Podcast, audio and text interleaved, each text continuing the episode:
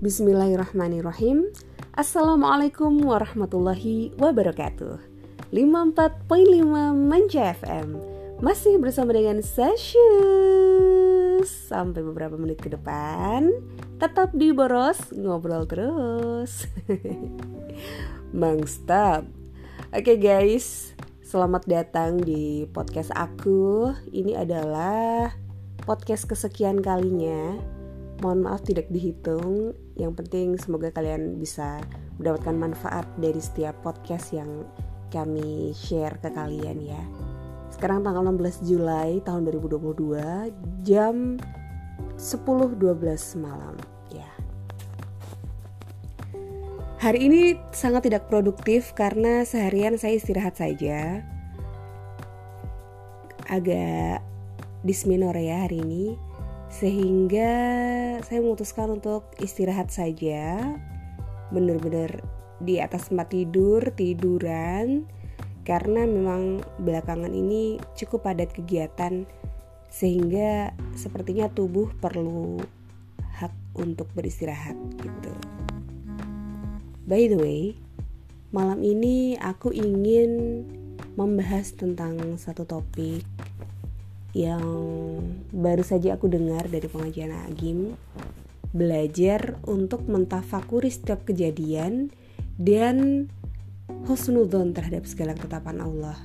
Karena sering kali takdir yang menurut kita buruk itu justru menjadi penyelamatan dari Allah jalan penyelamatan dari Allah agar kita mendapatkan keselamatan di takdir yang selanjutnya gitu.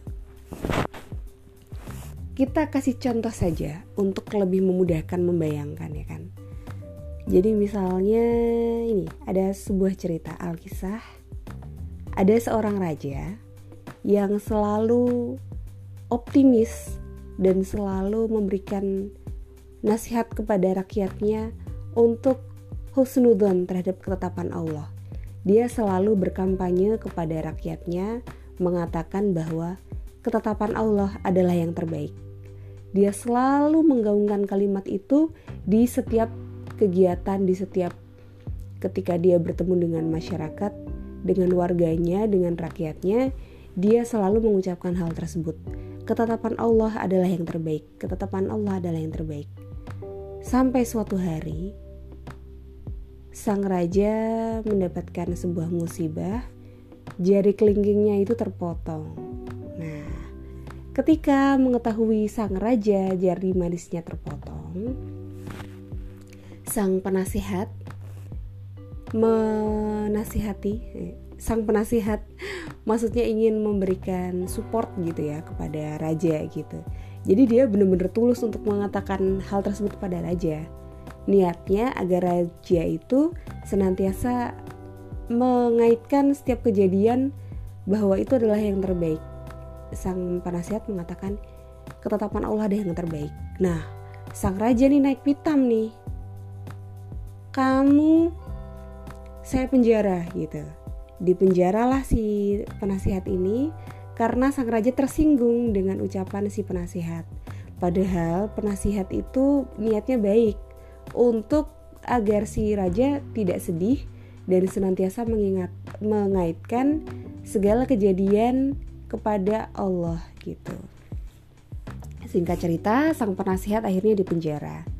Dan tidak lama setelah kejadian itu, sang raja kemudian sedang melawat gitu ya, sedang uh, berekreasi, mengunjungi suatu tempat yang di mana sang raja bersama dengan rombongan harus melewati suatu tempat di mana ternyata tempat itu ada yang jaga dan yang jaga itu adalah orang yang suka mempersembahkan manusia kepada dewa. Hmm. Akhirnya sang raja dengan rombongan dicegahlah dengan dicegahlah oleh si uh, si sekelompok orang yang akan memberikan persembahan kepada dewa tersebut gitu. Kemudian satu persatu orang-orang itu dimasukkan ke dalam uh, ke dalam tempat penyajian kepada dewa gitu ya istilahnya kan. Nah, tiba giliran sang raja. Kemudian orang itu mengecek dulu nih sebelum raja dimasukkan di di kotak persembahan tuh. Eh, ternyata kelingkingnya raja itu kan terpotong. Terus dia bilang, "Eh, tunggu dulu. Kalau orang ini tak boleh dijadikan sebagai persembahan kepada dewa karena orang ini cacat. Tangannya terpotong, tidak utuh gitu." Kemudian sang raja buru-buru dibebaskan. Nah, dalam hati pada waktu itu sang raja sangat bersyukur karena dia tidak jadi dijadikan sebagai persembahan pada dewa. Nah, di dalam rasa yang hati yang gemuruh itu, dia ingin buru-buru cepat pulang dan segera ingin membebaskan sang penasihat. Nah, setibanya di istana, dia langsung buru-buru menemui penasihat dan memerintahkan pengawalnya untuk segera membebaskan penasihat tersebut. Kemudian dia menceritakan kejadian yang baru saja dia alami kepada sang penasihat. Kemudian sang raja menanyai balik kepada penasihat, "Wahai penasihat, itu adalah hikmah yang aku alami baru saja. Lalu apa hikmah yang kamu alami di dalam penjara ini?" gitu.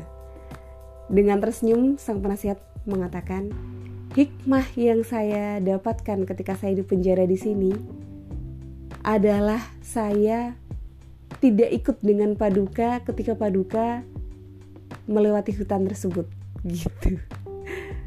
Karena kalau sang penasihat itu tidak dipenjara karena dia itu lengkap dan tidak cacat sehingga dia kemungkinan besar akan menjadi persembahan atau sesajen, sesajian untuk dewa gitu bahwa betapa selama ini uh, kita tidak membicarakan tentang benar tidaknya kejadian tersebut ya.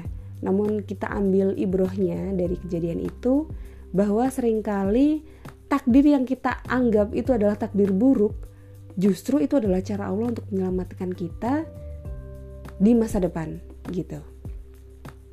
Alkisah, cie. Ada seorang gadis yang mencintai oleh mencintai seorang laki-laki gitu kan. Kemudian ketika si gadis itu berencana akan menikah dengan seorang laki-laki tersebut, rupanya kodarullah tidak jadi karena sang laki-laki itu ternyata ketahuan selingkuh sama perempuan lain. Akhirnya nggak jadi nikah kan. Nah, si perempuan ini sempat sedih.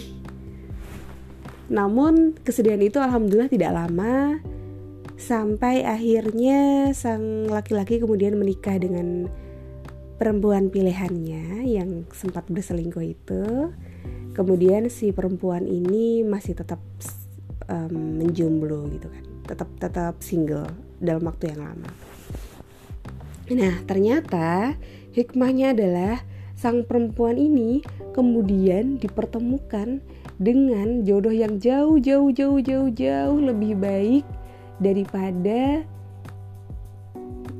seseorang yang tidak jadi menikah dengannya. Berlipat-lipat-lipat dari segi agamanya lebih baik, dari segi ketampanannya lebih tampan, dari segi finansialnya lebih mapan, dari segi pendidikannya lebih berpendidikan dan lain sebagainya.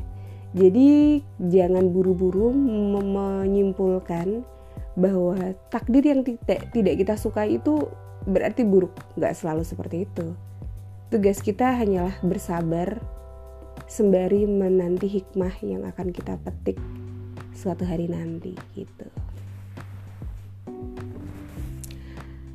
Betapa sering kali kita diselamatkan Allah dari suatu kejadian di mana sebelumnya kita menangis-nangis sedih meratapi kenapa sih saya harus mengalami situasi seperti ini gitu. Tapi ternyata jauh-jauh-jauh tahun setelah itu kita menjadi menyadari bahwa hmm alhamdulillah ya dulu begini gitu alhamdulillah ya harus melewati masa-masa itu sehingga sekarang menjadi pribadi yang lebih baik dapat kesempatan yang lebih baik dan lain sebagainya Ya, kira-kira itu saja yang bisa disampaikan. maaf ya kalau agak-agak kurang konsen karena antara ngantuk dan badan ini kurang fit kali ya. Jadi suaranya juga hmm, udah agak-agak serak udah agak, udah agak-agak berat buat ngomong. Kita lanjut besok ya insya Allah. Mudah-mudahan Allah berikan hikmah Allah berikan inspirasi Allah berikan ilmu yang dapat kami share ke teman-teman semuanya sekian mohon maaf kalau ada salah-salah kata. Semoga Allah selalu menolong kita dalam kebaikan. Terima kasih. Wassalamualaikum warahmatullahi wabarakatuh